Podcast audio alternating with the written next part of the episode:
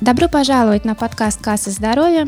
А, с вами я, Маргарита Купченкова, специалист по коммуникации от «Кассы здоровья». И сегодня мы поговорим о зимнем купании с нашими э, гостями, музыкантом и художником Юлианой Вальмра, а также семейной сестрой из Центра здоровья Ныме Маю Мюрсеп.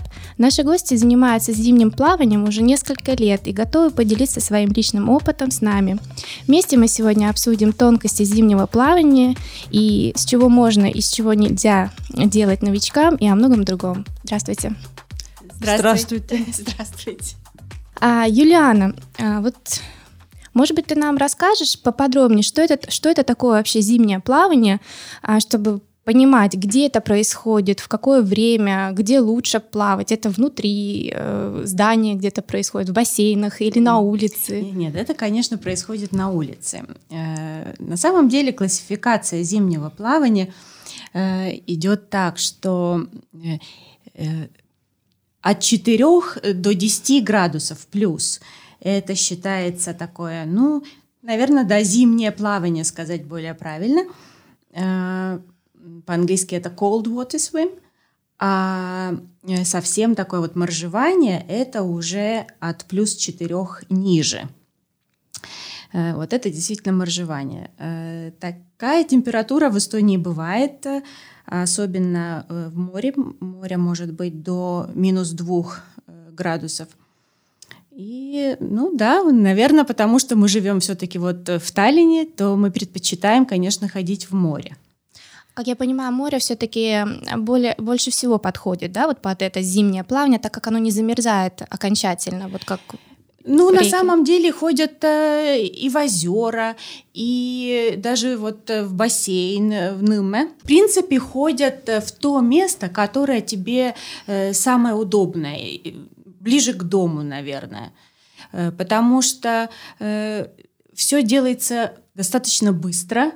Э, и так как мы ходим часто, многие из нас каждый день или хотя бы 3-4 раза в неделю – то если на это, на дорогу будет уходить очень много времени, ну, то это нереально с нашим mm-hmm. жизнью. А может быть, начнем с того, что, скажем, если вот э, люди, которые совсем не знают, что это такое, как начинать э, зимнее плавание, а, расскажем о том, что когда вообще начинается сезон, есть ли такое начало сезона, закрытие сезона, когда лучше всего вот ну, есть, конечно, начало, закрытие, но мне кажется, это больше делается как бы так э, для галочки или для просто ощущения праздника, чтобы была какая-то дата. Э, на самом деле в Эстонии же э, даже летом температура в море редко бывает больше 20 градусов, и для многих гостей нашей страны даже летом ощущается зимнее плавание в нашей стране. Поэтому на самом деле можно, да, да и нужно купаться круглый год. Но так вот официально э, считается, что начало сезона это вот, скажем, 1 ноября и э, конец середина апреля. Это еще часто эти даты по той причине, что э, так как купаться э, нужно и намного, конечно, приятней тоже э, там, где глубоко, то есть, э, например, в Пирита, где мелководье, обычный пляж, там моржеванием не занимаются. Потому что пока ты дойдешь чуть ли не до Финляндии, ты замерзнешь э, и умрешь несколько раз. Поэтому должно быть глубоко. И почему эти даты? Потому что очень часто люди купаются в маленьких э, портах угу. между яхтами. Да. И надо попадать как раз в тот сезон, когда яхты в море не ходят когда они там просто стоят или их там даже в идеале вообще нет.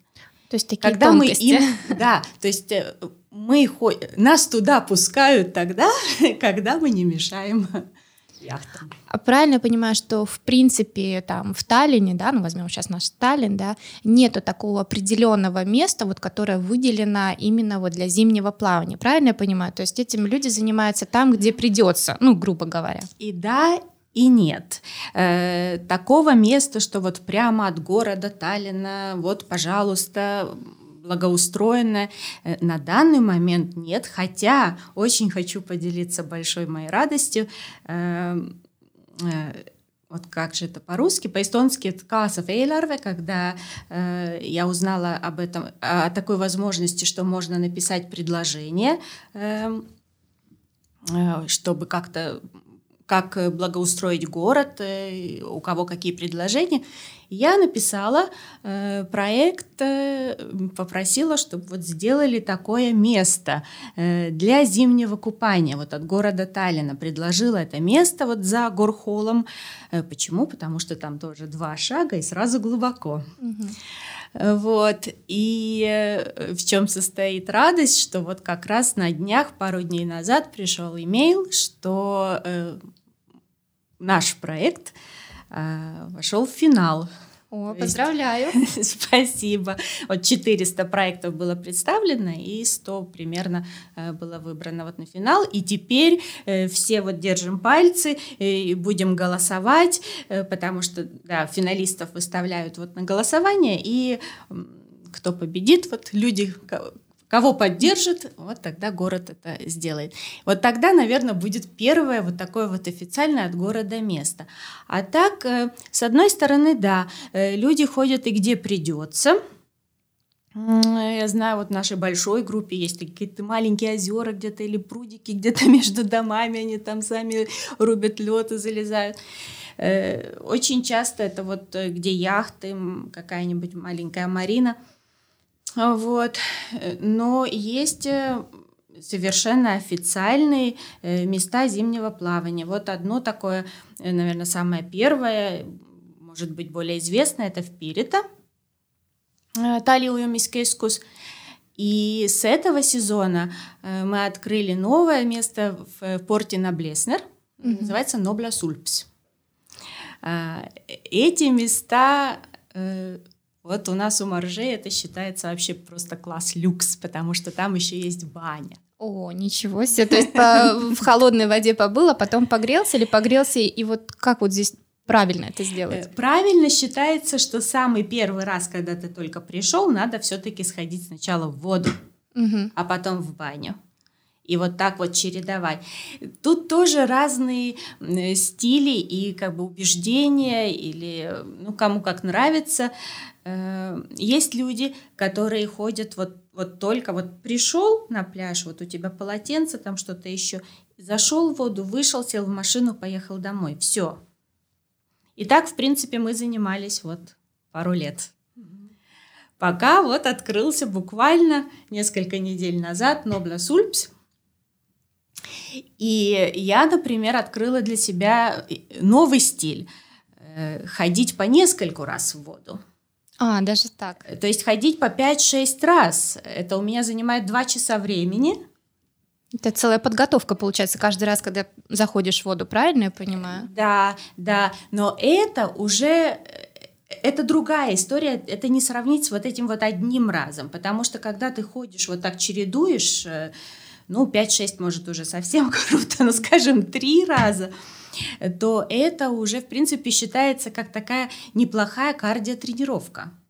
Угу. Потому что когда ты заходишь в холодную воду, у тебя быстро и очень сильно повышается пульс. Угу. Потом ты идешь в баню, согреваешься опять.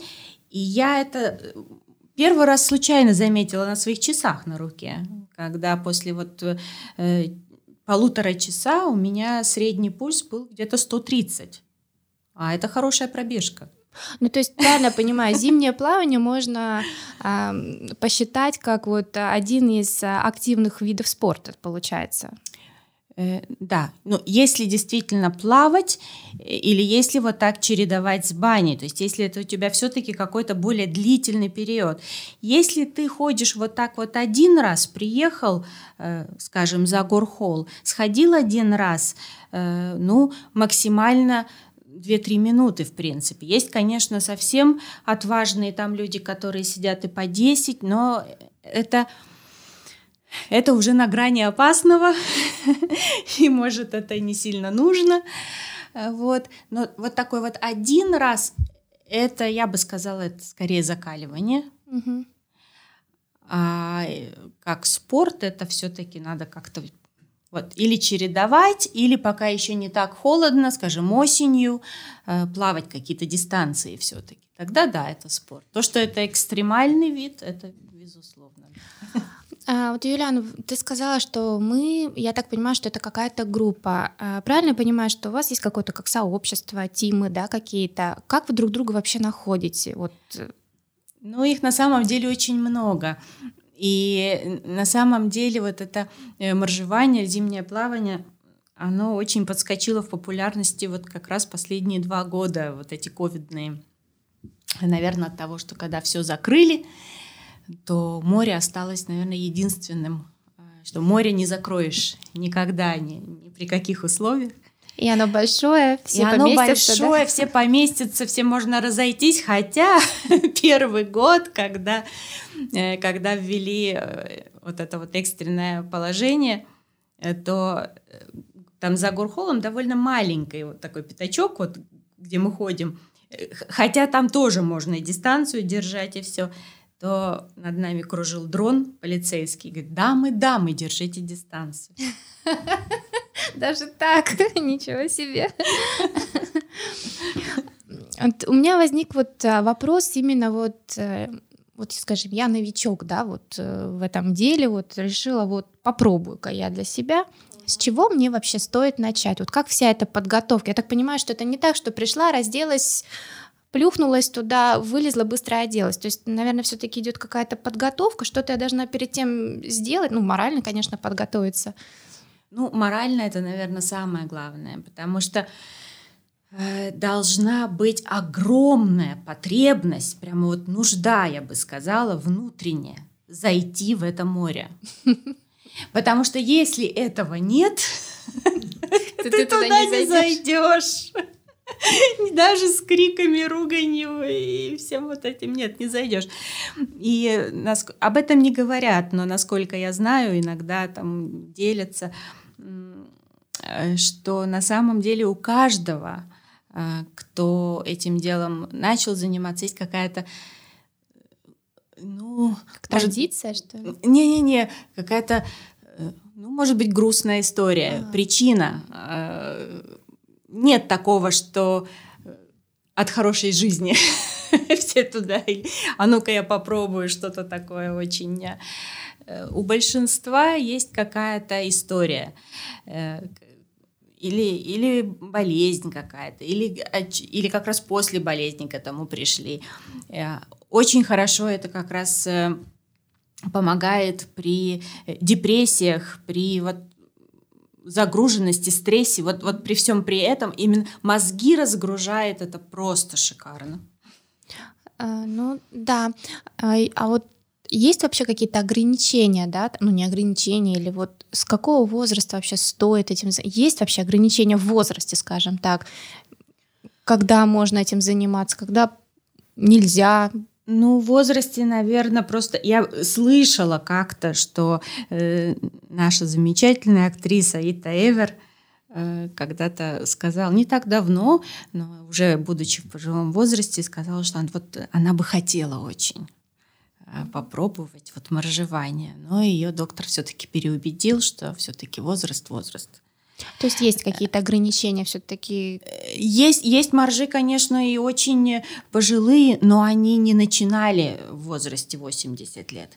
Они в таком случае начинали все же... Э, более молодом возрасте. Более молодом. Потому что, ну, конечно, э, есть какие-то, вот мою может прокомментировать, может быть, сердечно-сосудистые заболевания, ну, да. э, э, давление. Да, ну, высокое давление, mm. э, сердце, то есть нужно вот поаккуратнее, да, быть, да. или сначала проконсультироваться Это, вот я... у сестры там или у врача своего, да? Да, да, угу. обязательно. А к вам приходят вот такие пациенты? Сталкивалась ли ты вот э, в своей работе, что, скажем, приходит пациент и говорит, что вот я хотел бы заняться? Да. да. То есть есть, есть. такие, да? Ясно.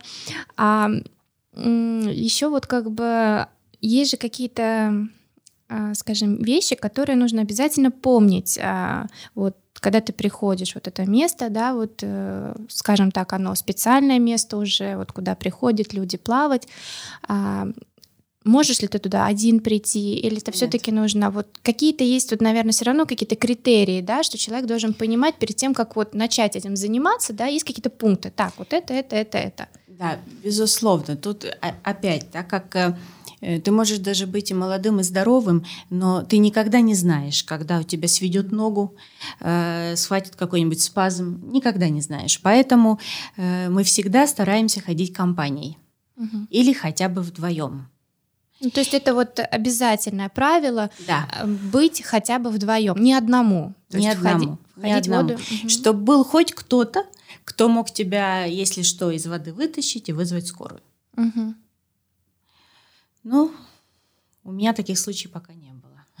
Слава богу. Тут и тут. Со всеми все хорошо. И, конечно, если ходить вот в эти центры, как вот на Пирита э, или Нопласульпс, э, там, в принципе, всегда кто-то есть. Да, всегда. Потому что... Каларана тоже группа, Там да, много потому народу. что, э, да, если ты вот совсем ходишь где-то сам какое-то местечко нашел, то может быть достаточно сложно с кем-то найти время общее, пойти вместе и так. А если ты ходишь в вот эти места и и, и тоже подписался в группу в Фейсбуке, угу. то ты всегда там можешь или кого-то позвать, или написать, что вот я бы хотел пойти, кто со мной. И всегда набирается кто-то. Угу. Э, первый год, когда я только записалась туда, так и было. Кто-то пишет, что вот 17-15, кто со мной? И все бегут, бросают все и теряя тапки туда. А вот э, я так понимаю, конечно, там много, наверное, разных людей. А вы замечали больше женщин там, девушек, мужчин? Э, больше женщины. Женщины ну, больше, да? Мы как раз с Майей в бане об этом говорили пару дней назад, что когда мы ходили просто за горхолом, там без всякой бани, вот очень так... Эм, Конкретно. Да, э, то там действительно больше женщин. А как открылся Нобласульп с банькой, угу. то вот там сидят мужчины. Вот сплошь ником. Да, То есть баня их заманила, да? Есть какие-то... Интересно.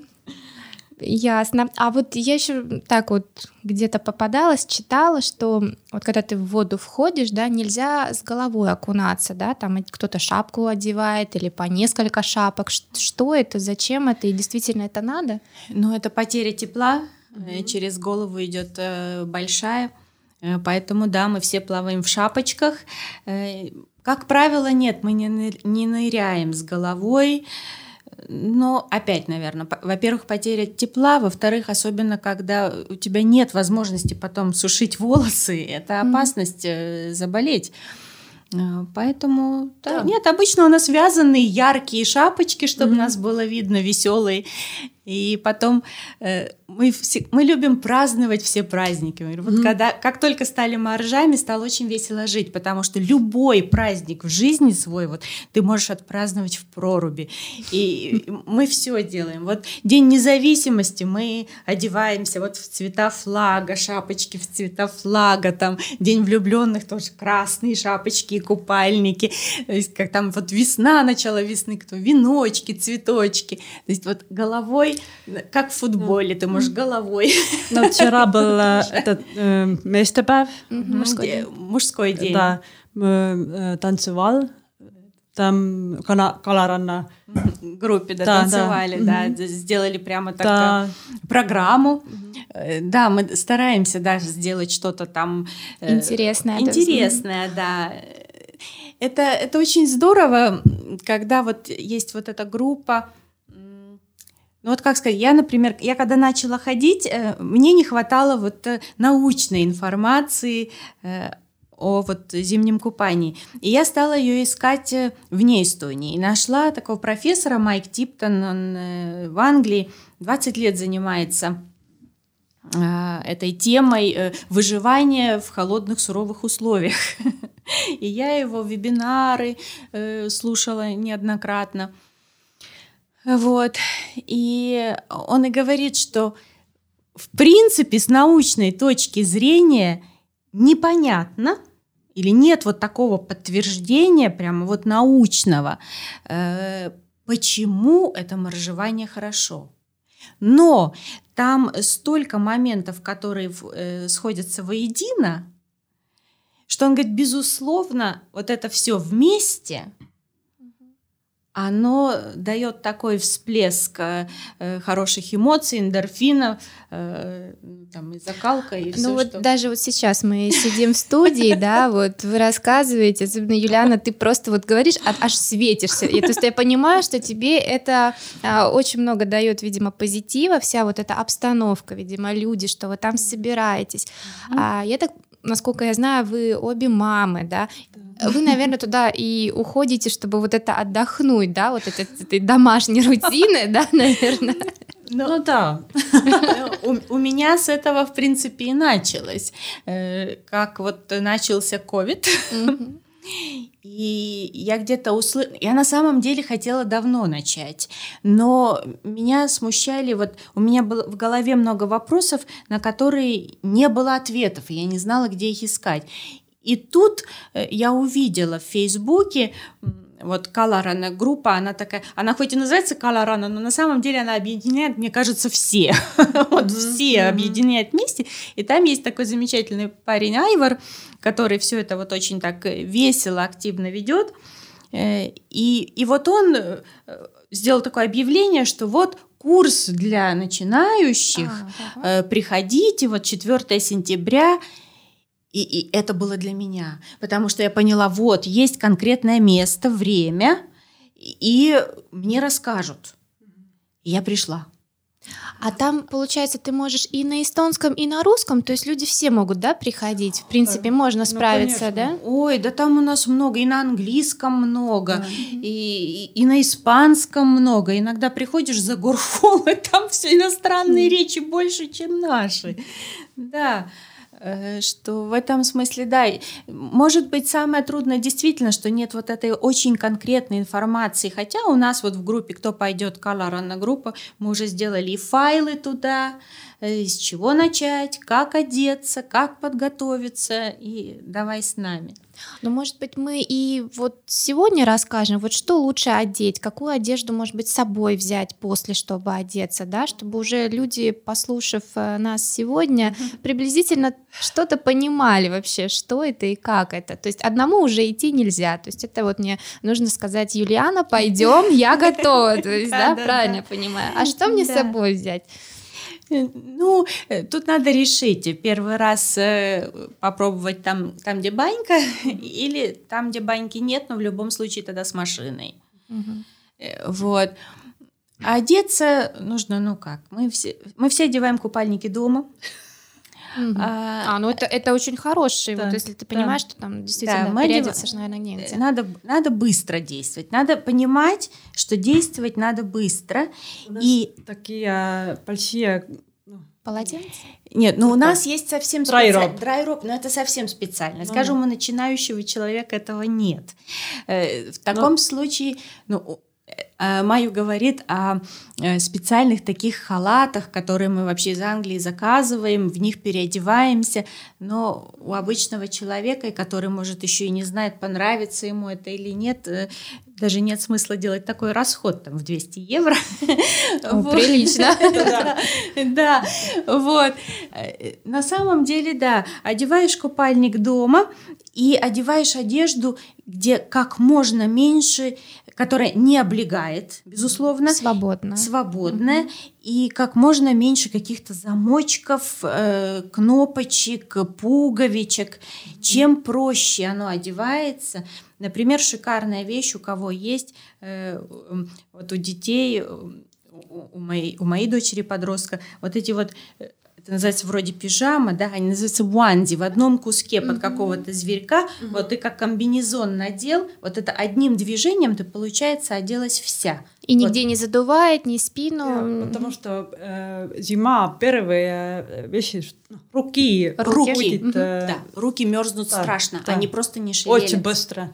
Да. То есть, а в воду ты снимаешь эти варежки, там перчатки? Ну, вот здесь тоже как бы. То есть... Э, Э, можно ходить, конечно, без вообще всего, только в купальнике, там шапочки. Если участвовать в соревнованиях э, международных, все, там надо действительно только купальник и только шапочка. Никаких варежек, никаких носков. Мы... Э, носков? Как, да, есть, да, есть специальные носки. Да. Ну или тапочки. Ну да, если, если ты сходишь вот за горхол, например, там э, щебенка. А, камешки, ну да. Ну не совсем приятно идти, а, а зимой еще и лед, и как-то пристывать туда к нему не хочется. И у нас есть неопреновые э, перчатки, это тот же материал, из которого шьют э, комбинезоны для серфинга. И такие же носочки. Или у меня так вообще вот эти самые обычные тапочки из Турции, которые там за, за 6 долларов продаются везде на каждом. То есть ты летом в Турции на, на галечке, да, зимой у нас за Гурхолом. Удобно, два в одном. В, в этих же тапочках, да. Э, если этого нет, тоже не, не обязательно сразу бежать э, для первого раза тратиться, э, деньги тратить. Можно, купальник есть у всех – возьми одень шерстяные носки и шерстяные варежки. Все. Этого достаточно, да? Да, этого mm-hmm. достаточно. И потом просто нужно очень быстро растереться, высушиться, потому что наш главный враг это ветер. Э, даже не столь холод, сколь ветер, потому что мокрое тело на ветру остывает очень быстро. А вот в воду как вы э, заходите э, вдвоем сразу одновременно, да. да, или по очереди один стоит? Мы наблюдает? заходим вместе, потому что в принципе это такое короткое время. Ага. И другому просто холодно стоять там ждать. Э, мы заходим вместе. Что самое главное? Самое главное дышать. А, вот. Не визжать, не кричать, не задерживать дыхание. Многие и все. И все. И все. И вот она напряглась. Я помню, когда я сама только 10 дней еще плавала, только 10 дней, пришла одна девушка впервые. Ну, смотрю, в принципе, возраст такой, что уже, может быть, даже у нее дети есть. Я говорю, и мы зашли в воду, и она... Я говорю, у тебя дети есть? Ага, при чем Я говорю, значит, рожала. Да дыши. Дыши. Правильно. И вот, когда говоришь женщинам, рожавшим, дыши, вот это они понимают. А как правильно, да? И тут же она все расслабилась и стала дышать. Вот это самое главное. Медленно, через нос и через рот выдыхай. Потому что когда ты уже спокойно дышишь, ты успокаиваешься, ты помогаешь своему сердцу. И тебе уже и не так страшно, и не так уж холодно. Самое трудное по Майк Типтону первые 27 секунд. 20. Они, наверное, длятся вечно, да? Холодно. Действительно холодно, и хочется выйти, и ты думаешь, зачем я опять? Угу. Но когда это проходит, думаешь, ой, а я еще чуть-чуть. Иногда бывает, а еще когда попадется хорошая компания, э, у нас же все быстро проходит время, да? Нам же всем надо поделиться, и мы там в воде начинаем. Та-та-та, у кого что, все новости, да-да-да, весело. Да даже кто-то слушает, а время-время, время-время, потому что такой, ну, скажем так, эм, русик рейкель по-эстонски это э, одна минута э, на градус. А. На градус воды. Я всегда минус 20, так. Нет, на три минуты это средний максимум. Если вода где-то в районе нуля, да, нуля. то больше трех минут точно не стоит. На три это тоже уже достаточно да. прилично. Вот так вот. Да, это все интересно, и вот много нюансов, да, то, что вот дыхание, да, то есть, ну, в принципе, даже психологически, насколько я знаю, что вот если паника, да, начинается, людям советуют дышать, то есть uh-huh. ты на, отвлекаешься.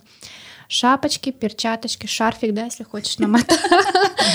Я просто представляю. И такой вот не горячий, а вот такой вот слабый, опять эстонское хорошее слово лейка, чаек. Вот если угу. есть с собой, вот шикарно. Сначала угу. я делала эту ошибку, что я делала прямо кипяток себе э, в термос, но это невозможно пить и угу. обжигаться. Угу. Не стоит. А такой слабо тепленький, вот это прелесть. Я себе завариваю имбирный. Угу. И вот если, если ветра нет, то мы еще потом Да. на берегу сделаем маленький пикничок.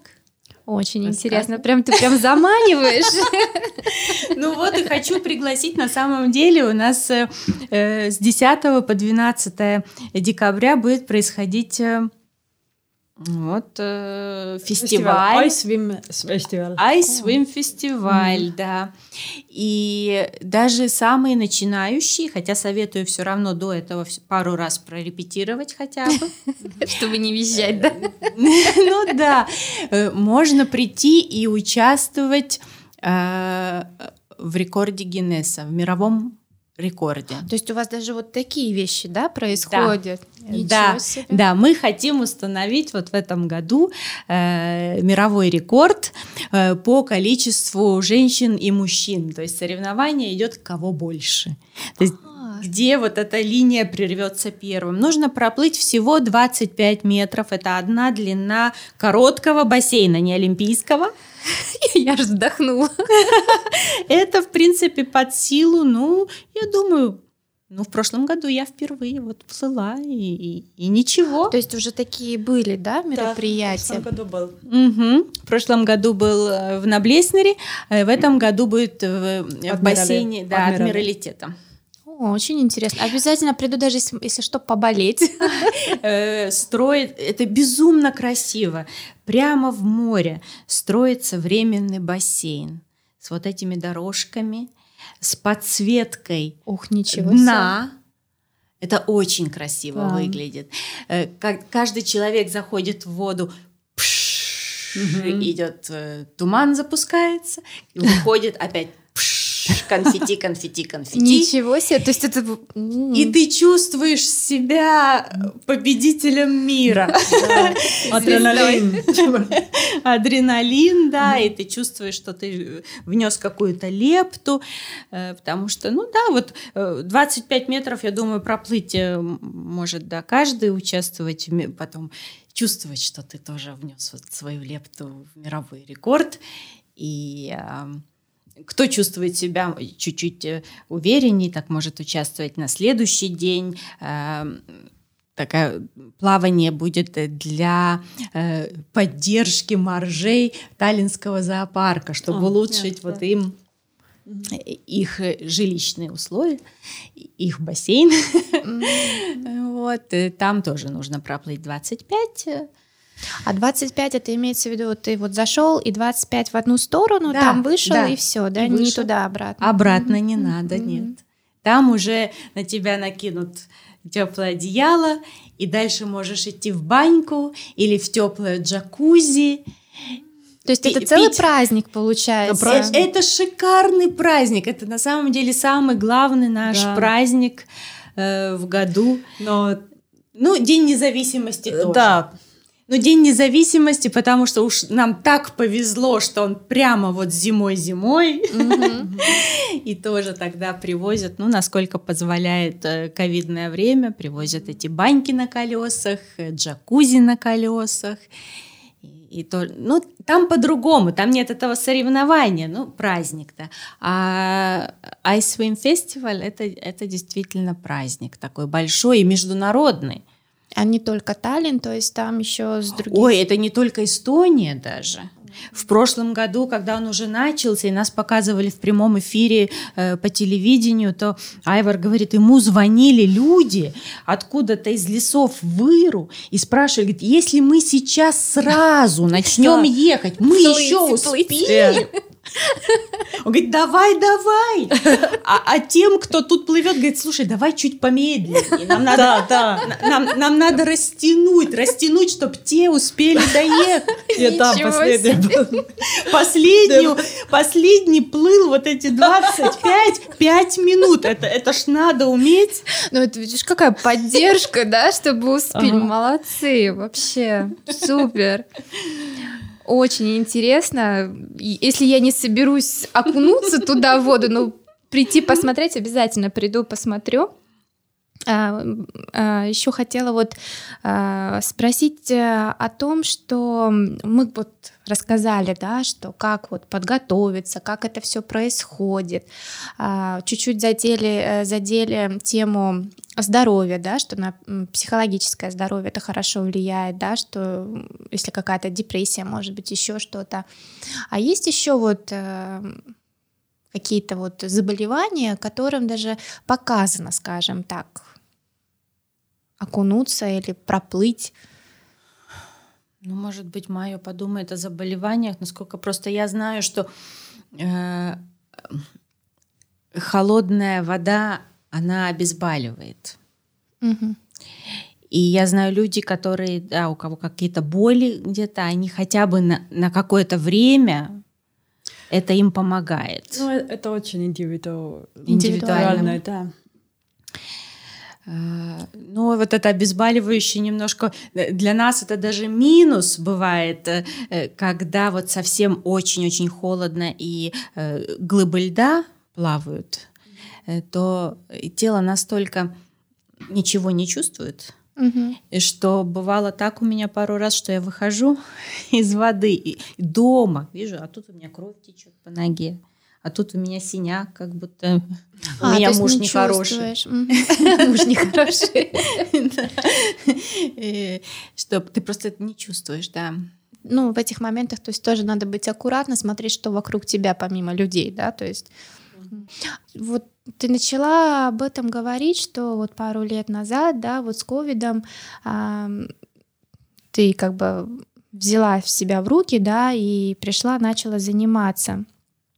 А это было как бы ты была одна или кто-то еще был с тобой вместе? Вот а, Маю, ты вот как, как вы вообще вот пришли к этому? И, или может кто-то также подсказал? Вот ты же просто вот в голову пришло, напишу-ка я вот это название в Фейсбуке, и где-то же кто-то с тобой поделился вот этой информацией? Вот. Ну, у меня были mm. подруги, угу. кто они, ну, занимался, да, да и, и моя первый раз была э, весна 30, 30 апреля. 30 апреля. да, и температура была море 9 ага. это, градусов. Да, 9 градусов. И это очень холодно. Холодно. Но тебя это не остановило, правильно понимаешь? Да. Ты до сих пор занимаешься. А вот эти первые ощущения, вот ты вот пришла, окунулась, да, холодно, ты вышла, но ты вышла в смысле, что я еще попробую или да ну? Э, нет, я хотела еще попробовать. То есть не да. было такого, что нет, вот зашла нет, и нет, нет, нет такого, да? Это было интересно. Интересно. И... Ну да, вы только уже тут рассказали, что вот там происходит да. фестиваль, это то есть для вас уже просто само по себе, что вот это вот мероприятие, да, то есть не просто вот это пришел, а там все равно люди, общение какое-то, да, все красиво, интересно. Ну, я где-то читала, что э, нужно сходить два-три раза чтобы, чтобы была зависимость. Я слышала, есть люди, которые вот сходили один единственный раз, кричали, визжали, mm-hmm. и все. И сказали, нет, это не для меня, э, не хочу, не буду. Э, есть и такие. Ну, ты говоришь, кричали, визжали, да, то есть получается, а, скорее всего, я так понимаю, что это люди, которые пришли, может быть, э, с кем-то вместе, кто также, может быть, первый. То есть если вот ты идешь с человеком, кто уже подготовленный и знает, как правильно дышать, успокоить тебя, да, да? то есть, наверное, все-таки первый раз стоит прийти с человеком, у кого есть какой-то опыт, который может тебе объяснить. Безусловно, да? безусловно, да. стоит прийти с таким человеком, но если нет вот этой внутренней потребности, твоей собственной, вот у финнов есть отличное слово сису. Это, ну, переводится, ну, как мужество, может быть. Или вот тахтеют по-эстонски. Если у тебя этого нет, то то ты туда не войдешь даже с хорошим учителем, другом. Ну, я это могу сказать на примере моего мужа. Вот только хотела спросить, как вот у вас в семье кто-то еще тоже участвует или только вот вы? Вот, э, к сожалению, не удалось раскрутить мужа. Э, я очень старалась. Он честно попробовал один раз летом. Летом. Летом. Но, правда, это было вот когда на улице было 30 градусов, а вода резко упала там что-то на 14, на, на 16, где-то так. Может, перепад слишком большой? Может, На самом деле, мне тоже кажется, что летом как раз сложнее войти, войти в холодную воду, когда она действительно mm-hmm. холодная. И, я ему посоветовала э, пробежку, он, он любит пробежку, он, он обычно бежит по 5 километров, в тот раз он пробежал 10. Ты там столько морально готовился? Наверное, готовился, оттягивал, оттягивал. Я уже все смотрю на часы, где он, где он?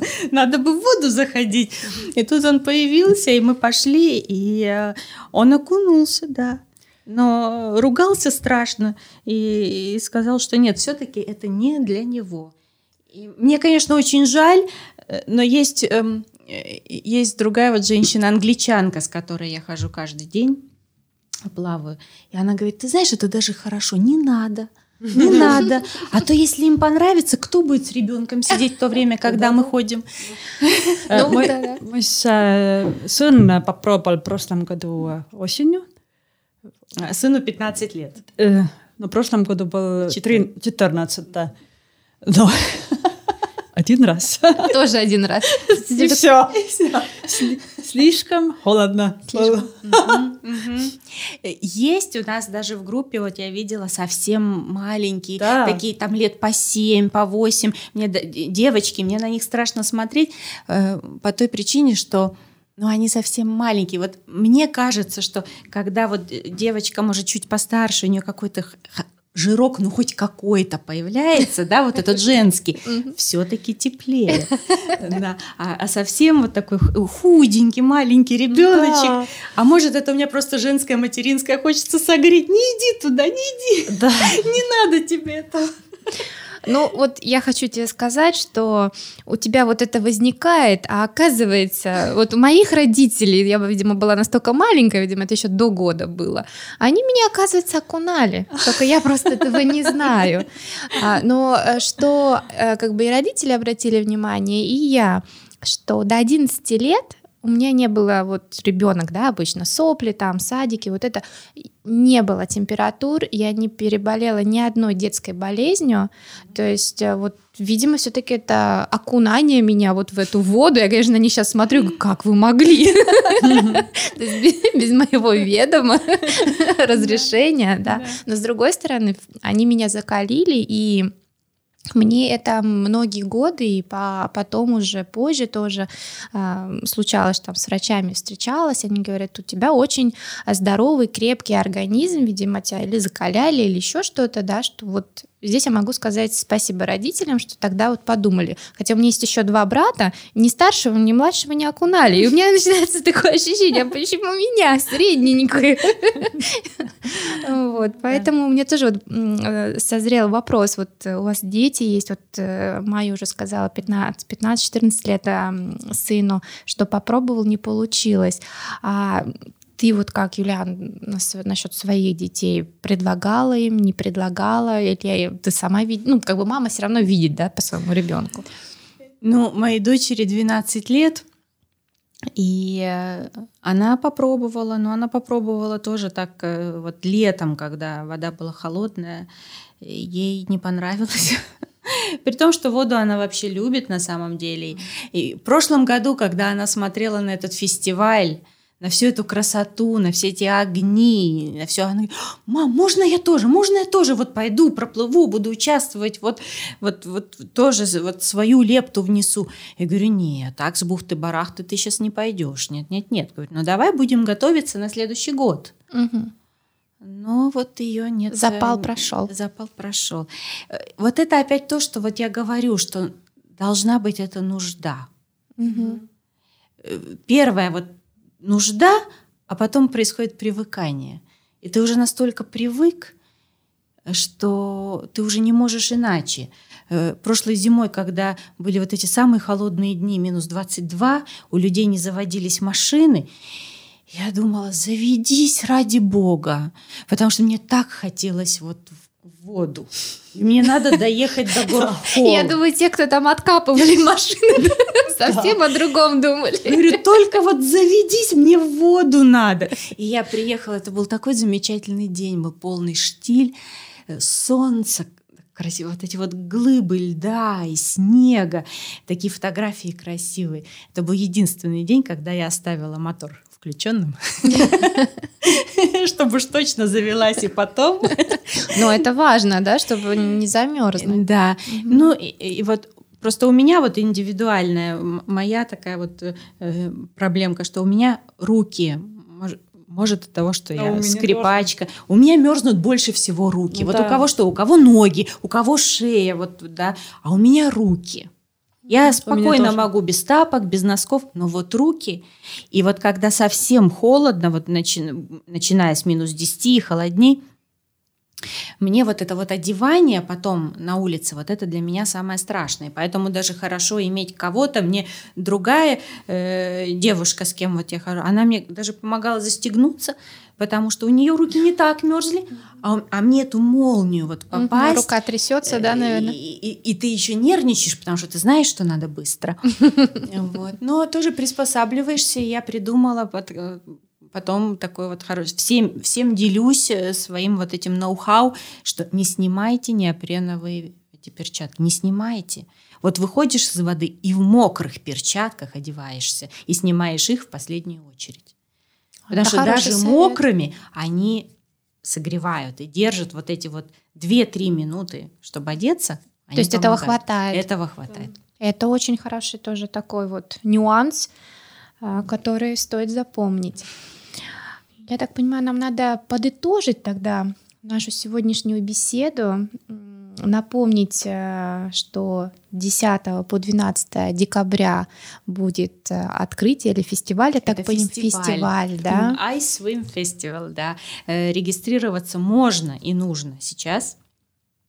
Там тоже происходят всякие розыгрыши, там что-то может А быть. зарегистрироваться это где можно? А, в интернете. Э, в интернете есть прямо сайт iSwim Festival. Угу. Очень легко находится. И, и все. И, и совет такой еще сейчас пару раз попробовать до этого фестиваля окунуться, значит, да, да, я бы, я бы советовала все-таки пару раз э, до этого хотя бы сходить, Э, воду, чтобы это не был первый раз, потому что там, конечно, вся вот эта эйфория, адреналин, нервы, этого слишком много на первый mm-hmm. раз. Мне кажется, умнее начать спокойно, именно с кем-то э, более опытным. Э, поэтому ну, я так понимаю, это такой тоже как более семейный праздник, то есть туда можно прийти с семьей, да, там, если один кто-то из вас участвует, да, там поддержка же, наверное, идет. Можно, э, конечно, одеться только тепло, потому что стоите на месте. Угу. Вот, э, ну, в прошлом году там тоже и продавали, и чай, кофе можно было купить, и безалкогольный глинтвейн. Вот это, кстати, очень важно. Я знаю, многие русские люди думают, что а потом можно согреться алкогольчиком. Не надо. Ни в коем случае, наверное, я так понимаю. Так кровь раз, разогнали. Да, угу. да, да, не надо. Да, это тоже хороший пункт, который стоит э, напомнить, потому что люди же не думают об этом. Ясно. Юлиана, Маю, большое вам спасибо, что вы рассказали. Вы просто светитесь, когда вы об этом говорите. И я понимаю, что я приду обязательно. Завтра. Завтра. Да, завтра утром 10 часов. 10 часов. Халарана. А, или, или Ноплас. А, правильно, завтра, завтра воскресенье, поэтому это так поздно. А так вот, э, добро пожаловать. Каждое утро рабочие дни yeah. за горхолом 6.45. 6.45. Это ее группа. Ага. 8.30 моя. Угу. Ага. Для тех, кто долго спит. Долго? Долго спит для меня 12 там. Но мне кажется, это герои, кто вот в 6.45, э, это действительно. Но они успевают, они делают зарядку они в море, и потом они успевают еще домой помыться душ и на работу. Угу. И это уже столько сделано, наверное, ты с таким вот идешь на работу уже, что вот я уже такое сделала, да, да? то есть и, наверное, энергия, я так понимаю, да. просто много. Когда мой папа спросил, что это тебе дает, я говорю, ты знаешь, оно дает как бы две совершенно противоположные вещи. С одной стороны, вот утром сходил, она тебя ух, заряжает на весь день, ну, у тебя столько сил, да. столько хорошего настроения и все такое. А с другой стороны, в то же время, это дает тебе вот такое вот спокойствие слона. Тебя дети не раздражают. Ты ни на кого голоса не повышаешь. И ты вот, вот спокойствие слона. Вот и все. Но это, это и очень хорошие вещи, в принципе. Это, ну, да. это шикарные вещи, потому что от женщины зависит в семье все. И когда вот такой вот радостный, спокойный настрой, то налаживается все. Классно вообще.